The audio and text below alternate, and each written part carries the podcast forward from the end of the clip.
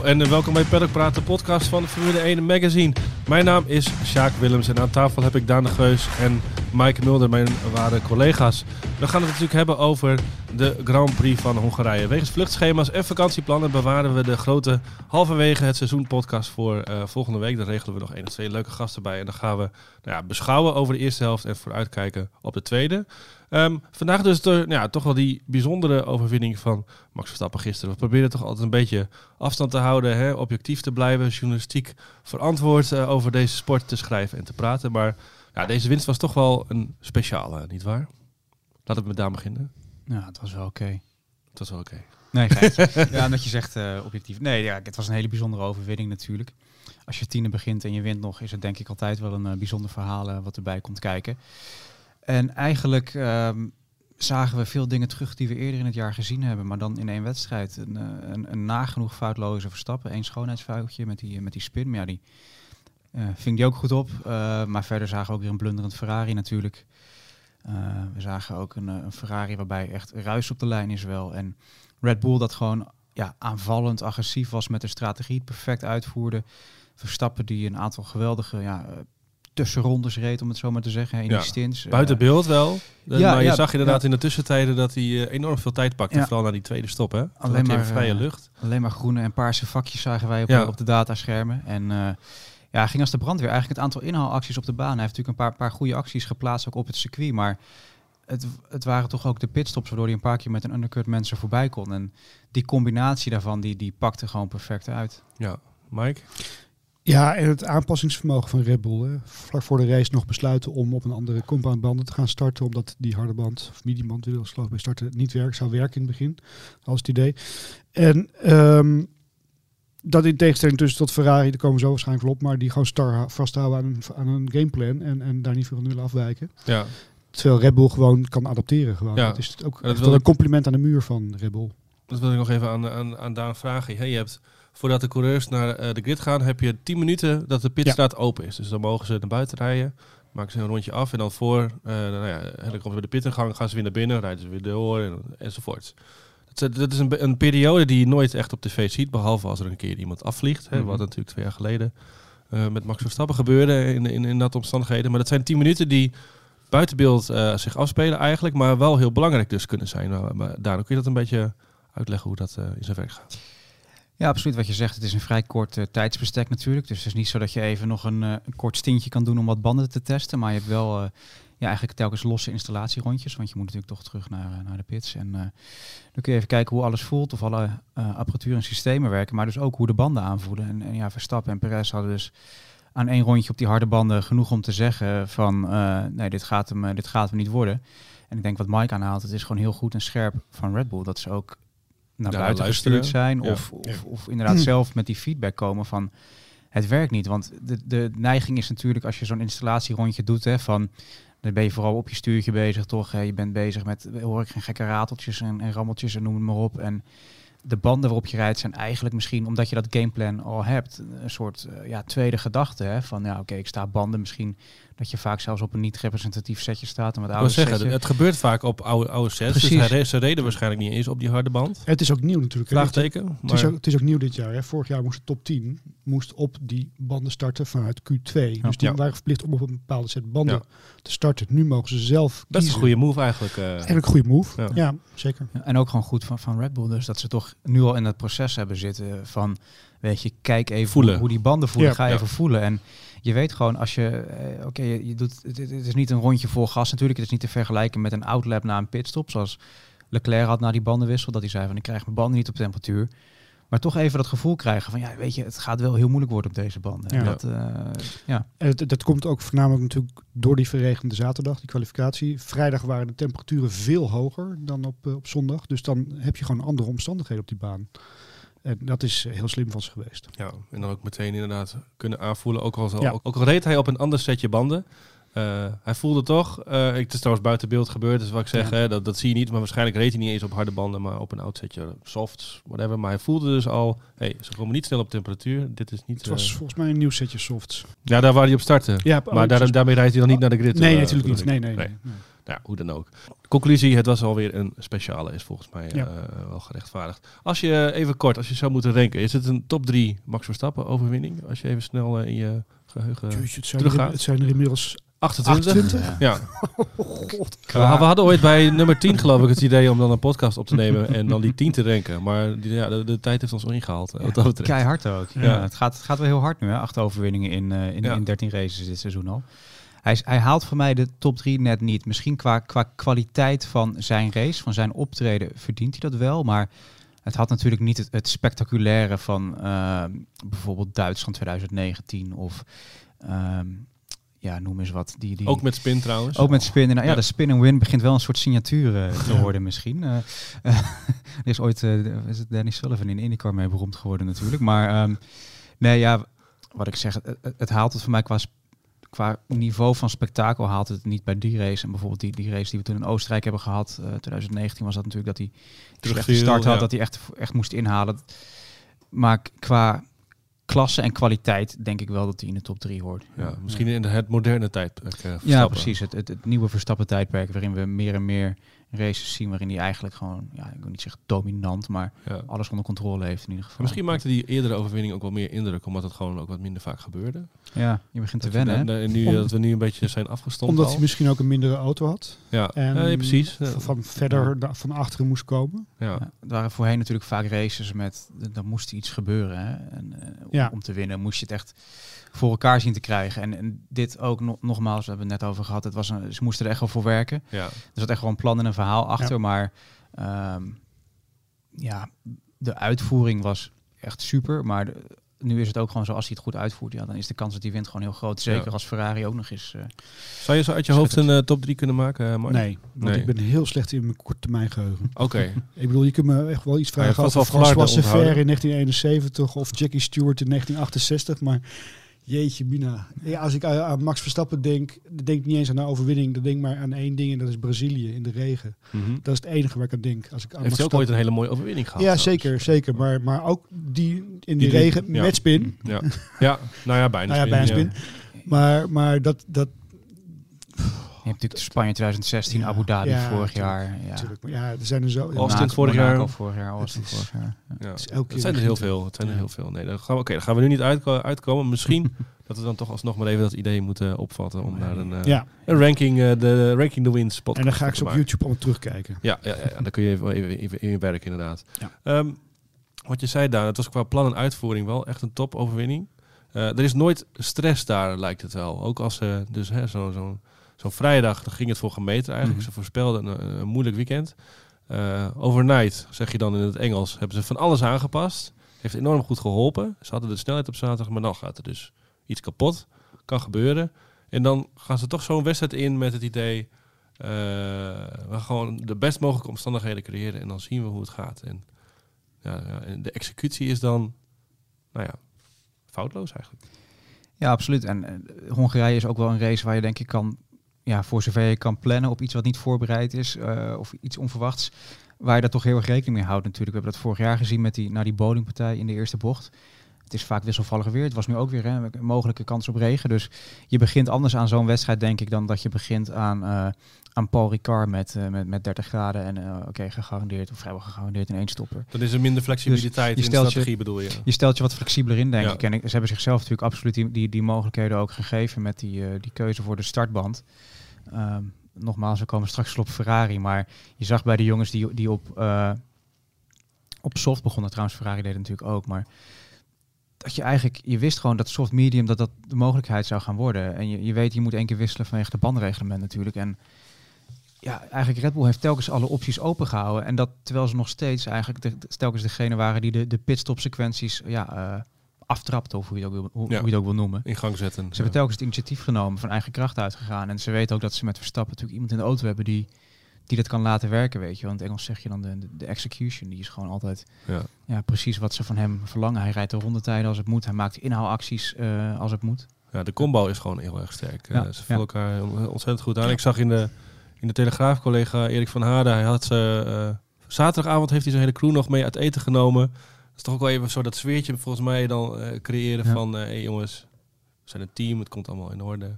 Het, eh, ze, ze gaan wel echt door het vuur voor hem. Ook, Ja. heb ik het idee. En over de Telegraaf eh, gesproken, die had natuurlijk ook eh, mevrouw Schmitz eh, nog eh, Ja. in een uitgebreid interview eh, erin. Ja. Eh, een van de twee eh, ja, eh, strategen bij Red Bull. Ja, die ook ongetwijfeld hier een aandeel in heeft eh, gehad. Nog even over die spin trouwens. Ehm, het kost hem niet zo heel veel tijd. Eh, voor onze luisteraars die het nog niet gezien hebben, onze, op onze site staat een, eh, een mooie, mooie eh, fotoreeks van, eh, van Peter van Egmond. Die stond daar toevallig dan weer op de juiste plek als enige van het eh Alsof hij- fotografen alsof gilde. hij- Alsof hij ingeseind was. Ja, ja, Sebastian Vettel heeft ooit gezegd, overal waar die Nederlander staat is Ja. altijd scheisse. Ja. Ja, dat is echt waar. Ehm, dat herstelde hij goed, hè? Ja, dan zie je toch. Het is flauw om te zeggen dat hij er wat ervaring mee heeft met eh, Brazilië, waar we het net over hadden. Eh, Duitsland natuurlijk ook een keer. Maar ja, die wagenbeheersing van hem. Ja. En gecombineerd met die kalmte ook. Hij raakt niet in paniek. Hij trapt niet in één keer eh, vol op het gas of zo. Dat hij denkt van ik, ik gooi hem in één keer om. Eh, Tsunoda deed eerder in de race een spin. die kwam toch wat minder lekker uit. Ja. Ja, het was ook heel gek om, als je het dan onboard zag, volgens mij gaf hij echt heel weinig gas. En dan ging hij zo ineens achterstevoren. Ja, ze zelf dat het misschien nog door iets met die koppeling kwam. Ja. Hè, waar die eh, zat een soort slip daarmee. Ja. Formule 1. Pedalpraat. Ferrari, we moeten het er toch even over hebben. Ehm, vooraf hadden we ze al bestempeld als grote favoriet voor het weekend. In, eh, op de vrijdag leken ze alles toch ook echt onder controle te hebben. Op zaterdag wankelden ze en op zondag kwam de val. Zo. Heb jij eh, meegeluisterd met Binotto toevallig, Daan, eh, gisteren na de wedstrijd? Nee, jij deed dat, dus ik heb jouw stukje gelezen daarna. maar ik heb wel eh, de, de uitspraken gezien en eh, hij, hij kwam ook nog bij de camera natuurlijk, eh, bij Sky Sport en bij Viaplay. En ja, het voelde toch wel heel erg als een beetje die PR-spin. Hij gooide het heel erg op, weet je, het probleem is niet de strategie, het probleem is de snelheid was er niet. Maar weet je, dan heb je gewoon oogkleppen op. Oké, de snelheid was er niet, maar ook eh, daarbovenop was de strategie natuurlijk slecht. Ja. Ik bedoel, als zij Leclerc met een andere strategie op pad hadden gestuurd, hadden ze misschien toch meer terug kunnen doen nog. Uh, uiteindelijk zie je namelijk ook dat, dat Hamilton en Russell uh, hele tijden in die race uh, ja, misschien wel aanspraak maken op de zegen, terwijl ze ook niet de snelste auto hebben. Ja. En Ferrari, oké, okay, dan heb je dus misschien niet de snelste auto, maar dan kun je nog wel meedoen. En eigenlijk hebben ze zichzelf gewoon ja, de race uit gedacht of ge, of hoe je het ook ja. wil noemen. Ja, gepiekerd, getwijfeld. Ja. En dan altijd komt natuurlijk die roep en die vraag van, ja, mo moet er dan iemand geslachtofferd worden? En, en die tijd is wel een beetje voorbij bij Ferrari. Dat is ook goed. Ik, ik kan me ook indenken dat als je midden in het seizoen van strategen gaat wisselen of, of, of wat dan ook, dat dat, dat geen zoden aan de dijk helpt, zet. nee. Maar ik, uh, ik, ik, ik kan me indenken dat er uh, voor iedereen uh, op vakantie gaat in Italië of, of, of waar dan ook, dat het toch echt wel even een, een crisisberaadje tussendoor gefietst ja, Want ook als je minder snelheid hebt en wel een goede strategie, kun je natuurlijk ook nog altijd Ja. uh, de schade beperken, zo niet uh, alsnog uh, nou ja, boven Ja, verwachting je presteren. kunt- dat je heeft Red Bull je natuurlijk ook laten zien Ja, dit je jaar. kunt races winnen met, met, met slechtere auto's en betere strategieën. Dat is logisch. Maar wat, misschien wat meespeelt, wat ik, hoe, hoe belangrijk zal het zijn geweest dat Russell op pole is begonnen? Op het moment dat Leclerc op pole begint en hij een vrije baan voor zich heeft, krijgen we dan, Ja. of Sainz, Mhm. krijgen we dan een andere race te zien? Want ik heb het idee Ja. dat, eh, dat zij Verstappen ook op zaterdag nog wel van nou, misschien kan Mercedes me een handje helpen morgen. En, en ik denk dat dat toch misschien wel Nou ja, de, volgens mij bleven de gaten wel redelijk... eh Ja, het- bleef nou, het allemaal heel erg de, overzichtelijk de top, door blijf, de Ja. top 5, bleef, of top 4 denk ik, Mhm. nee 5 waarschijnlijk, bleef binnen 5 seconden of zo Ja. heel erg lang. Dus dat is, heeft misschien wel geholpen. Ik had wel echt het idee inderdaad dat eh, in de beginfase Russell ging als, als een speer er vandoor. Zijn eerste vijf rondjes waar, Ja. had hij twee, drie seconden voorsprong. Op softs, hè? Op softs inderdaad, hè, ja, de snellere band. En de, Nee, de Ferraris kwamen daar Nee, nee, gaandeweg. hij is op softs gestart. Ah, Oké. Gaandeweg kwamen de Ferraris op mediums dichterbij. Ja. Eh, dat ze echt aan het nou ja, afwachten waren tot hij zou stoppen. Ja. En dan eh, dat Weg- gat weg- zouden slaan. Dat gebeurt echt totaal niet. Nee. Dus mm, je kunt het hebben over strategie van Ferrari. Die was hier nou, Nee, wat ik trouwens wilde, wat ik bedoel uitvoering. zeggen is dat... Oké, op het moment dat ze op kop reden, hadden ze ook echt niet de snelheid om, eh, om stappen te maken. En kwamen ze Nee. ook vrij snel binnen overigens. maar misschien hadden ze toen al te veel van hun banden gevergd achter Hm, Russell en Leclerc achter Sainz. Ik, zou kunnen. ik weet het niet ja. hoor, maar Ja. Overigens wel weer een, eh, een statement, of eh, hoe zeg je dat? Een eh, moment, Intentieverklaring. Nou nee, eh, eh, eh, je zag wel gewoon de nieuwe regels. Deze nieuwe auto's werken wel ontzettend Ja. goed. Ze konden zo lang achter elkaar door blijven Ja. rijden. Absoluut. Ja, ik sprak eh, gisteravond nog even kort met, met Olaf Mol eh, voor ons tussenrapport. Dat we wilden even actualiseren eh, naar aanleiding van de race. En die ze ook, weet je, Ross Brawn en, en Pat Simmons en, en ja, Tom Basis, al die jongens die deze Ja. auto's Hebben geconceptualiseerd hebben, die verdienen echt een, een, een standbeeld, weet je. En eh, ook op de Hungaroring, waar inhalen zo moeilijk is, Ja. waar elkaar volgen de laatste jaren zo moeilijk was. Zo'n race kunnen afleveren met deze auto's, echt, echt chapeau. Ja. Ja, Ja. nee, absoluut. En ergens vrees ik ook wel een beetje voor het moment dat types als Ross Brawn uit de sport zullen verdwijnen. Heb, heb je dat ook niet? Of is dat een... eh, Ja, nou ja, kijk, het verhaal gaat al jaren dat, eh, of, of al een jaar of twee, dat eigenlijk zijn aflopende contracten niet verlengd gaan worden, maar ze blijven telkens maar verlengd worden. En volgens mij komt dat vooral omdat Ross het zelf nog heel leuk vindt. Oké. Maar Ja, ik ben heb- inderdaad ook wel bang voor die dag dat, dat hij denkt van ik ga toch weer eh, liever vissen. Ja, gaan het niet weer over de kalender en, en, en historische circuits hebben, maar eh, hij is toch wel een van degenen volgens mij die dat ook nou ja, wel levend houdt binnen, binnen Liberty. eh. Zeker. Het is echt een cultuurbewaker natuurlijk. Ja. Dat, is, dat, is, eh, dat is helder. Eh, ik heb wel begrepen dat hij inderdaad... Nou, dat zijn afscheid wel aanstaande is. Oké. Er wel wordt over gesproken dat hij ergens in de loop van volgend jaar misschien eens een keer afscheid zou kunnen nemen. ja, En dat zou echt een gemis zijn voor de sport. Dat klopt. ja, ja, ja. Nou, laten we hopen dat hij dus nog even door blijft gaan. Ik hoop dat hij naar Ferrari gaat.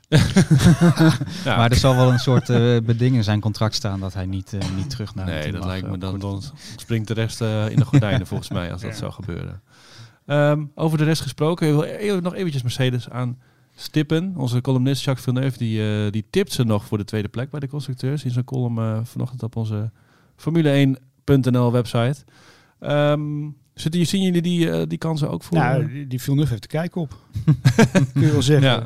Ja, het gat is nog maar heel klein. Ik zit Ja. kijken. Het is 30 voor mij punten. 30 punten of zo. Dus eh, tussen dat kan Ferrari wel in twee races verspelen, Nou, zou je dat zeggen. lijkt me niet zo heel moeilijk, nee. Dus, Alhoewel, er komen wat met Spa, Monza, wat hoge snelheidsbaan. Ik weet niet of... of, of, of Maar qua topsnelheid Mercedes- heeft, Ferrari wel stappen gezet. Dus ja, ik weet, ik weet wel, niet of eh, Mercedes ja. daar... Nou, ik weet niet of Mercedes daar kan aanhaken bij eh, vo- vooral Red Bull dan. En Ja. misschien ook bij Ferrari niet, dat weet ik niet. Maar, want zo snel zijn ze nou ook weer niet. Ja, ze hebben te veel downforce uh, schijnt Ah. voor die. eh, Maar ja. Mercedes heeft natuurlijk wel het voordeel wat je dit jaar ziet en wat je vorige jaren niet zag, is dat zij ook aanvallend kunnen zijn met de strategie. Ja. Ja. De afgelopen jaren, weet je, we lachten ons af en toe eh, blauw om, om die, die boordradio's van in, in, in, in, in en eh, die Benny Hill heet het geloof ik, achtige Ja. muziekjes die soms onder mislukte pitstops werden gezet. Maar dit jaar vooralsnog hebben ze qua strategie ja, bijna nooit verkeerd. Het is ook misschien iets prettiger werken als eh, die kampioensdruk eh, er niet op staat. Ja, absoluut. Weet je, ze kunnen gewoon een risico nemen. Want Ja. ook al gaat het mis, Ze zijn een beetje het Red Bull van vier vijf jaar geleden, zeg Ja, maar. zijn nog Ja, steeds maar- snel genoeg voor 5, 6 Maar ook daar zie je dus weer dat ze zich kunnen aanpassen. Ze zijn acht jaar lang een team geweest dat vooraan heeft gereden. En we hebben ook wel eens gelachen toen ze, als ze dan toevalligerwijs één keertje Mhm. Hamilton vanaf plek 7 of 9 moest starten, dat het dan Ja. een shitshow was. Ja. Maar ook zij kunnen dus aanpassen. Zij kunnen nu ook in een andere rol, op een andere manier, die strijd aangaan. En dat is dus wat Red Bull en, Mercedes heel goed doen. En. Ferrari niet. En Ferrari dus niet. En laten we ook wel zijn, die, ze hebben die auto natuurlijk geweldig doorontwikkeld. Ja. Er is nog wel wat porpoising en het zal ook niet in één keer voorbij zijn, denk ik. Zelfs niet naar die vloeraanpassing in Spa misschien. Maar ze krijgen de snelheid er inmiddels wel uit. En ehm, Over pluimen gesproken, dat is, die, die auto leek echt hopeloos. ja, en, Ja, en ze begin. beginnen nu eigenlijk dat concept wat ze hebben een beetje echt te kunnen realiseren natuurlijk. En we weten, Hamilton heeft zich in het begin van het jaar heel erg daarvoor opgeofferd door, door met experimentele setups te rijden, met experimentele onderdelen. Russell heeft ongetwijfeld zijn steentje bijgedragen, want die, die is technisch ook heel goed onderlegd en ook Ja.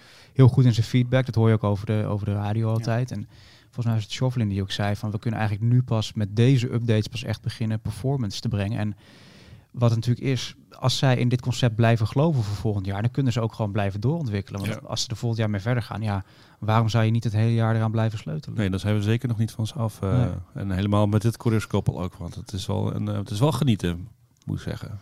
Deze twee. Ja, Russell ook. Hamilton is ook echt wakker eh, geworden. Die, die, Ja. is wel, eh, die, die gaat er wel komen En, en Russell heeft ook gewoon, die laat zijn tanden ook zien. En, Ja. en ik bedoel, waar we hem hè, in het verleden altijd hebben afgeschilderd als die ideale schoonzoon, keurige Engelse is hij jongen. ook. Is hij ook, maar er zit wel een beest ook in. Ja. Jij had gisteren nog iets eh, aan op de app, eh, wat we ooit een keer over Leclerc hebben gezet. Nou, dat ook wel voor Ja, nee, we hebben ooit, eh, volgens mij was dat eh, een van de eerste twee races eh, dit seizoen. Dat we zeiden dat Leclerc is, zo, is ook een beetje een mooie boy, een nette jongen. heel beleefd, aardig. Maar hij schopt je lachend neer. En volgens mij Ja. gaat dat ook wel op voor, eh, voor Ja. Russell inderdaad. Ja. Die steekt ook wel zijn tweede benen vooruit. Vliegende tackle. Ja. Als het even moet. Ja. nee, nee, zeker. Ehm, we, we drijven vandaag nog een blad in elkaar. Het laatste voor de zomerbreak ligt eh, deze week in de winkel. Met eh, onder andere een portret van Sebastian Vettel. Het kan natuurlijk ook niet anders. Hij heeft zijn pensioen aangekondigd. Ik had het eh, vrijdag nog al even over met André Venema. Ehm, dat is uiteindelijk een mooi verhaal geworden, Daan. Heb je daar nog iets van, eh, van Ja, klopt. opgestoken? Eh, nou ja, André Venema heeft het inderdaad eh, geschreven. En, en die, die was al een tijdje bezig met een, met een portret over Vettel. Heeft ook heel veel mensen daarvoor gesproken. Onder meer Vettel zijn vader, Matt Bishop, de communicatiechef van, van Aston Martin. Frans Tos nog, de, natuurlijk de teambaas bij Toro Rosso was van, van Vettel. En het is echt een heel mooi menselijk beeld. heeft Ja. André geschetst van ja, wie die jongen nou buiten de auto is. En we horen vaak een beetje die, die, die quote-kopjes van het is een activist en, en, en dergelijke. Maar hij, hij laat heel mooi zien hoe Vettel eigenlijk van iemand ja, is verworden die ja, misschien niet de populariteitsprijs won toen hij al die titels eh, binnenharkte. Omdat Nee. telkens weer dat vingertje omhoog Ja, ik kwam. wilde en- zeggen, wij zijn een beetje van dezelfde generatie. Ja. Maar is iets ouder natuurlijk.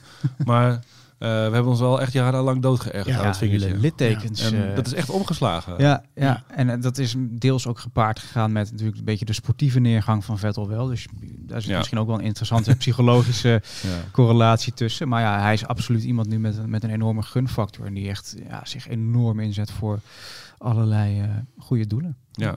Ja, het zal gemist worden, denk ik. eh. Onge- Zeg ik met ja, een, eh, absoluut. absoluut. Ja. Hebben jullie nog een, persoonlijk Vettel verhaal? Daan, heb je hem geïnterviewd? Nou, ik stelde een keer een vrij lange vraag aan hem. En toen zei hij eh, eh, echt een beetje lachend van... nou, volgens mij heb je zelf een antwoord gegeven. Oh, Weet je zo, de, de vraag stellen is een beantwoorden. Maar dat was in die Ferrari-tijd dat hij nog wel eens een beetje scherp eh, kon zijn. En je merkt wel in die, in die Aston Martin-tijd nu dat... weet je, hij, hij doet eigenlijk niet zoveel media natuurlijk. Hij houdt af wat hij niet hoeft te doen. Dus Nee. de status die hij dan heeft verdiend. Ook, En, eh, hè? ja, Ja, misschien ook wel een, be- beetje waarom je je afvraagt van... is het wel zo'n goede ambassadeur dan ondanks al die titels? Maar ja, hij is, hij is zo spitsvondig. Hij is zo grappig. Ja. Hij is echt eh, een hele leuke... Ja, Ja. jongen is het niet meer natuurlijk, Nee. maar een leuk, leuke gast. Hij is ongeveer net zo oud. Hij is 34. 4, 35. Ja, dus ik ben nog net iets ouder. Ja. Ja, ik- jij bent een stuk ja, ouder. Hij liep natuurlijk al rond in 2007 in die, in die paddock. En, en ik moet zeggen, ik heb hem nooit gesproken persoonlijk. Maar je zag dat dan wel een beetje rondschuiven. En had je iets van, ja, jochie, Ja, jochie. ja. Wat kom je hier doen, weet je? En, en, en dat hij is uitgegroeid tot zo'n karakter. Mooi, ik vind het echt een mooi mens. Ja, echt, ja. ehm, Het lijkt het is wel echt mijn gedroomde interviewkandidaat eigenlijk. Dat je gewoon ook over iets totaal anders gaat praten dan dat- over de, over de Formule 1. Ja, en dat is tegenwoordig zo moeilijk om, om, om de coureurs te pakken te krijgen. Maar ja, hij zou echt absoluut op mijn lijst staat hij ook bovenaan. Ja. Eh, zeker, ja. Maar het ene, enige verhaal wat ik zou kunnen bedenken. Ik heb een, een zwakke linkerschouder, ooit uit de kom gehad met voetbal. En eh, op weg naar de grid een keer, toen liep er iemand echt keihard tegenaan. En dat deed verschrikkelijk pijn. En dat was Sebastian Vettel, Mhm. waarvoor dank nog. Daar heb ik echt nog het hele weekend last van gehad. Eh, dus dat, ja, dat, dat is mijn Vettel-anekdote. heb je hem verrot gescholden? Of niet? ja, nee, nee. Hij, hij, hij- hij rent altijd. Dus hij Oh, was ja, ook al ja, ja. 20 meter verder toen ik zag dat hij het was. Ja, Vettel, Vettel kun je ook niet uitschelden. We Nee. hebben, wat, wat jij zegt, dat vingertje, we hebben jarenlang daar, ik ook, naar gekeken. Ik dacht van, gast, hou ermee op. Hou op met je Ja. arrogante gedrag. Maar het is, en het, ik vind ook het, een, een, het noemen van namen, namen geven aan je auto's, vond ik altijd, altijd een beetje dubieus. Maar, maar Gina. ach, Of nee, dat was, ieder- dat was Ferrari. of, eh, of van die rare namen. ja. Ehm, maar Kylie. van- Kylie, fantastische kerel. Kinky Kylie was Kinky. Ja, Kylie, Lusjes. Liz. Ja. Ja. Pedalpraat. Max Verstappen, 80 punten voorsprong. En, eh, we zaten net al even snel te rekenen. Japan komt mogelijk nog te vroeg. Dan zou die eh, op 104 plus sprintrace 112. Er zijn nog 112 punten. Na Japan zou die Ja. 112 punten voorsprong moeten hebben. Ja. Ja. dat is natuurlijk. Maar even kijken naar de komende banen. Dan zou je zeggen Spa, Monza, dat is wel Red Bull, Ferrari land. Ja, Zandvoort is ja. misschien meer eh, Ferrari, meer Mercedes. Maar goed, dat zeiden we ook Ja. over de Hungaroring Ja. trouwens. Maar Ik heb echt wel het idee dat eh, de fabrieken gaan dicht, maar ik denk dat Mercedes heel erg hard terugkomt. in- iedereen zit thuis eh, te painten. Ja. Ja. Hij, hij wordt gewoon wereldkampioen. En of het nou in Japan is of, Nee, dat of daarna, dat maakt geen moer uit, nee. Het is voor ons, voor ons misschien interessanter als het wat later gebeurt. Ja. Het, zou wel fijn zijn als Leclerc niet eh, twee keer na de zomerstop gelijk Nee. uitvalt, inderdaad. Nee. En, eh, dat hij echt even wat terug kan doen. En, en misschien dat Mercedes zich ook nog in de strijd kan, eh, kan Ja. mengen natuurlijk. eh al is het maar om eh, ja, hoe lullig het ook klinkt, hè, wat punten bij Verstappen weg te halen. Want eh, ja, het is ook de cover cre- create op het aanstaande magazine. Max heeft gewoon één, eh, één, één hand op de beker nu. Ja. Ja. Ja. Ja, nee, eh, Jacques Villeneuve zei dat ook nog wel eh, treffend, vond ik. Het, als je alle races op zich bekijkt, zou je verwachten dat de titelstrijd ontzettend spannend is. Ja. Er, er is niet een race geweest waar hij eh, 40 seconden voorsprong heeft gehad. Het is gewoon aan het eind van de rit. Ja. Nou ja, van de 13 keer dan. Ja, ze moeten er echt wel voor werken. Ja. Alleen ze worden ook gewoon on- ja, ontzettend geholpen door Ferrari. Ja. Ik moest ook even aan de Gary Lineker's eh, eh, uitspraak denken. Die zei dan altijd, eh, voetbal is een spel van eh 22 mannen en uiteindelijk winnen de Duitsers. dat is natuurlijk in dit geval misschien een beetje van toepassing Ja. op, eh, De Oostenrijkers. op de Formule 1. Dus, Ja. De Formule 1 is een spel van 22 races. Aan het einde winnen de Oostenrijkers. ja. Nou ja, of nou goed, Max Verstappen dan in dit geval. Maar hij wint wel iets voor het einde, denk ik. ja. wel ja. Moet je nog over Perez hebben? Eh, andere bladverhalen die we nog even een, eh, een aan het voetlicht willen brengen. Ja, André heeft in Hongarije ook nog een leuk eh, verhaal over Max natuurlijk opgehaald. De, de traditionele Max-repo in het nummer. Eh, dit keer met eh, David Coulthard, Jacques Villeneuve en Jos Verstappen over ja, hoe die zegen tot stand is gekomen en hoe dat hem ook eh, kenmerkt als, als coureur en als, als titelkandidaat eh, dit jaar. De, Ja. de, de rust, de kalmte, de, ja, eh, het perfecte uitvoeren van het, eh, van het hele spelletje. Ja, we hebben ook... Ik denk dat het heeft gedaan. Uh, Valtteri Bottas nu even gesproken. Een preview op de Nederlandse Grand Prix. Dat is natuurlijk eh 4 Hij komt, er september. weer, hij komt er weer aan. Ja, en vergeet niet dat ook vanaf eh 4 augustus eh, de Dutch Grand Prix Special 100 pagina's over de Dutch Ja. Grand Prix in de, in de winkel ligt. Even voor duidelijk inderdaad, het nummer wat we nu maken eh, komt samen met deze Ja. Zandvoort Special. De reguliere Ja. editie met Mooi eh, terugblik op ja. eh, Hongarije en Neem- Frankrijk. Neem hem mee op vakantie als je nog gaat. Precies. Mhm. Een heerlijk eh, leesvoer voor eh, op het strand. Of gewoon in de achtertuin. Of in de achtertuin. Kan ook. Maar even in de reguliere editie, dus, dus ook 4 augustus in de winkel ligt, heeft eh, Daan met Valtteri Bottas gesproken over zijn eerste optredens op, eh, op Zandvoort. De, de Masters. Dat was wel Twee keer gewonnen, toch? Twee keer Ja. gewonnen. Ja. Heel erg leuk verhaal geworden. En natuurlijk het eh, tussenrapport van Olaf Mol met eh, een terugblik op de eerste helft van het seizoen. Ja, als je iemand een, een 8 of een, in ieder geval een goed cijfer zou willen geven na deze eerste seizoenshelft, wie zou je dan... eh Daan. Daan natuurlijk maar van de coureurs. Eh, Max springt er natuurlijk bovenuit. Mhm. Ik wilde eigenlijk zeggen behalve maar eh, Ja, Verstappen precies. en eh, Leclerc. misschien. Ja, ja. Russell. Ja, Russell en, en ja, Ja, Norris Norris, ja, Norris wilde ik ook zeggen inderdaad. Ja. Waarbij ik eh, zijn teamgenoot Ricciardo wel gisteren een hele mooie in- inhaalactie zag maken op eh, twee Alpines. Maar uiteindelijk toch weer roemloos 15e. Maar uit- op uit- de hard eh, ja, ook trouwens. Ja, met, Een, met een tijdstraf nog, omdat hij Ja. Lance Stroll even tegenkwam. Maar wat je ja, ik denk dat Stroll, of uh, Stroll, zeg ik, Norris, Russell, de laatste weken toch ook Hamilton wel een goede. Ja, ik wil iets minder obvious misschien, maar ik vond, ik vond Jules eigenlijk ook wel een eh, positieve eh, verrassing Ja. eigenlijk. Gewoon als rookie bijna niks fout gedaan. Misschien niet die rauwe snelheid die je van een jong talent zou verwachten, maar ja, hij heeft eigenlijk bijna helemaal weinig rookie mistakes gemaakt volgens mij. Klopt. Racen. Ja. We hadden het net nog even over Kevin Magnussen natuurlijk. Ja. Ook, eh, Ja, Ja, die, vind ik vooral wel leuk omdat hij gewoon bevrijd is. En dat Mhm. is niet meer dat chagrijn van Ja. twee jaar geleden. Het is gewoon, hij is gewoon echt lekker aan het rijden, heb ik dat het geldt idee. voor Valtteri Bottas natuurlijk ook. Ja.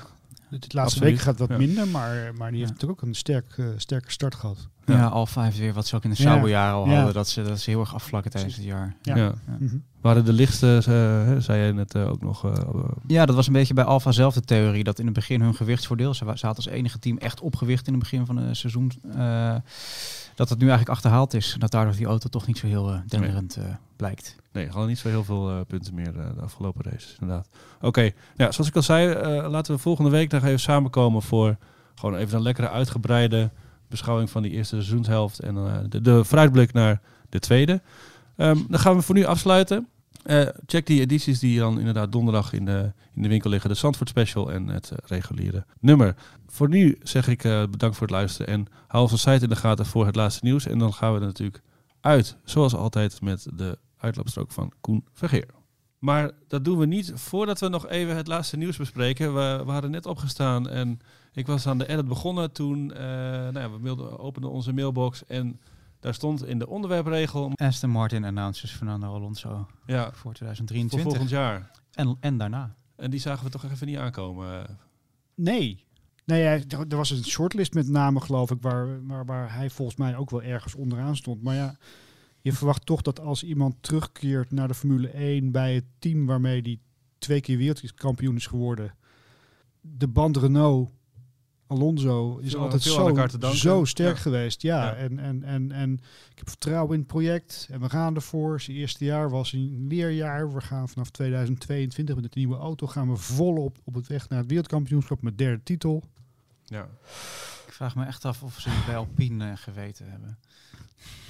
Ja, maar zou dit, een- Ja. zou dit iets zijn? Ik bedoel, oké, Vettel die stopt. Volgens mij is die beslissing best wel laat intern eh, allemaal gecommuniceerd. Dan Ja, hebben ze ons heel snel gehandeld. Of zouden ze al een lijntje hebben uitgegooid misschien? Ah, ze wisten wel dat het contract van Vettel afliep natuurlijk. Ja, dat de kans er was. En. Stroll wilde voor hij Vettel eh, onder contract had, wilde Alonso eigenlijk ook wel hebben. Dus er is contact geweest en er zal ongetwijfeld al gesproken zijn. Maar ja, het, is, het blijft een verrassende, een verrassende move. Ja. Natuurlijk ook sportief als je naar kijkt. Volgens mij heeft eh Aston Martin eh, wat 19 punten of zo. En die staan geloof ik achtste. Ja, En ja. ja, Alpine staat vierde. ja, Dus ja, puur voor het sportieve plaatje zal die het, eh, zal die het niet doen, denk ik. ja. Al zal Stroll hem ongetwijfeld hebben voorgeha- voorgehouden dat ze ja, volgend jaar wel een, eh, een geslaagde Red Bull kopie hebben misschien. Had, even eh, voor mij, had Alonso een contract voor volgend jaar bij eh, Alpine? En Nee.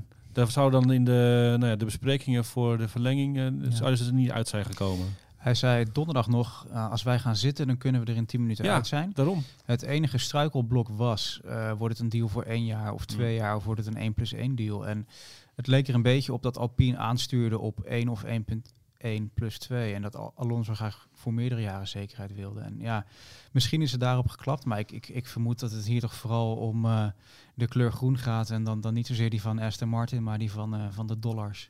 Ja, ik bedoel, hij is dit weekend eh 41 eh, geworden. Heeft volgens mij hartstikke goed geboerd in zijn carrière. Is, een gro- is, is al altijd een groot verdiener geweest.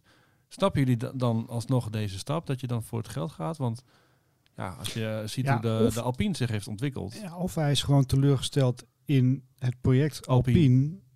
Alhoewel, Ja. hè, ze staan vierde, ja oké. Je had misschien ook niet meer verwacht dan dat. Maar Nee. of hij is zo teleurgesteld in, in het toekomstperspectief bij Alpine... dat hij denkt van ja, hier gaat het nooit worden. Dan ga ik maar voor het geld en de uitdaging om bij Aston Martin er nog iets van te maken. Ja, vergeet ook niet dat bij Alpine natuurlijk wel wat eh, bestuurders Ja. weg zijn gegaan die hem eigenlijk hebben binnengehaald. hè. Dus misschien Ja. is het ook wel een factor. Ik vind, ik vind het heel erg interessant om eens vandaag in het hoofd van Otmar Safnauer te kijken. Die van Aston Martin over is gekomen naar Alpine. En nu Ja. zijn, zijn, zijn, zijn beste coureur. Nou, best, ja, ja, hij is beter Ja. dan Ocon. Ja, ook kon Ziet het eh, weggaan. helemaal niet verkeerd Nee, inderdaad. Maar nee. Dit is wel even Fernando Alonso. Ja. Ze zullen En- het niet doen, maar ergens binnen Alpine moet toch het ballonnetje opgaan nu. Laten wij Alonso de rest van het jaar Ja, zitten. Zoek het maar uit. Ik bedoel, zet Piastri er alvast in. Het zal niet een, eh, een contract zijn waarvoor je Nee. iemand, eh, een, een gage waarvoor je iemand even met plezier op de bank zet. Maar Nee. Nou goed, hè, je noemt Piastri. Al, Ja. hè, die naam wordt natuurlijk heel vaak genoemd. Is eh, volgens mij ook een Renault-coureur. Ja. Ja. Eh, is dat de, de droomkandidaat of zouden ze daar toch voor Nou, meer dat- ervaring dat gaan? is Of? de enige kandidaat. Ja. Dat is de enige kandidaat. Die jongen is... is, is Ja, maar is het, de- is het het moment voor Alpine eh, op dit, op dit punt in hun, eh, in hun plan, om maar even Alonso te quoten, is het dan het moment om een, om een jonge, jonge hond eh, voor de leeuwen te gooien? Nou ja, als je met Alonso al niet verder komt dan dit, dan dan zeg ik, eh, gooi, gooi die Piastri erin. En ik bedoel, laat ik niet vergeten, Esteban Ocon is natuurlijk ook gewoon een hele Mhm. goede coureur. Ja, en ja. kan die auto ook Ja. beter maken. Ik bedoel, misschien dat het daar wel wrikt tussen eh, de richting van Ocon en Alonso. Dat is, misschien dat dat ook niet werkt. En, en nu kunnen ze zeggen, oké, alle ballen op Ocon, Frans coureur. En we zetten die jonge hond, Piastri ernaast. En, en we gaan ervoor. ik ik vind dat je daar een punt hebt, maar ik denk het tegenpunt is wel dat met Alonso verlies je wel echt een enorme kopman natuurlijk. En dat is niet een Ja. leemte die Ocon denk ik kan opvullen. En zeker Piastri op deze leeftijd niet. Daarom vroeg ik het. Ja. Ik denk wel dat Piastri, een, dat is echt, echt een hele goeie, dat hij misschien een, een, een Norris-achtige ontwikkeling kan gaan maken. Dat hij, dat hij een beetje naar dat niveau toe zal gaan. Mhm. maar is dat waar Alpine behoefte aan heeft, vraag ik me dan Maar- alleen af. Ja. Weet je, uiteindelijk, maar ja, Nee, oké, maar, maar, maar Alonso blijkbaar werkt dat ook niet. Nee. Dus, dus ja, dat... eh, Er gaan wel veel dingen goed volgens mij, maar ja, het is... eh, Nou ja, als ik gisteren ook weer de strijd zie tussen dat Ocon dus en zeggen. Alonso. Ik bedoel, dat, dat, dat, werpt het- alweer een ander licht op dat ja, gevecht, tuurlijk. hè? Ja, tuurlijk. Ja, ja, We hebben dat eerder dit jaar ook gezien, dat, dat Alonso en Ocon toch op de baan elkaar ook wel eens redelijk in de weg kunnen zitten. En ja, En tegelijkertijd, dat zeiden we net ook nogal voordat we opnamen, eh, kan Alonso dat wel ook wel weer waarderen, denk ik. Als, als iemand Ja. hem gewoon zo eh, Zeker. vol dwars zit, Ja, in plaats van dat hij maar eh, aan de kant gaat.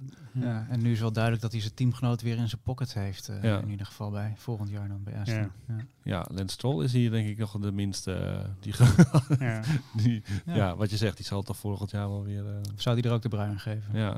Dus een nieuwe, nieuw vraagteken. In ieder geval, Eh, collega Laurens Stade heeft al snel het bericht gemaakt. Waarvoor Ja. dank. Hij kopte al silly season in volle gang. En dat lijkt me een, eh, een, een mooi einde. Oké, nou, tot zover deze PS. Eh, tot de volgende.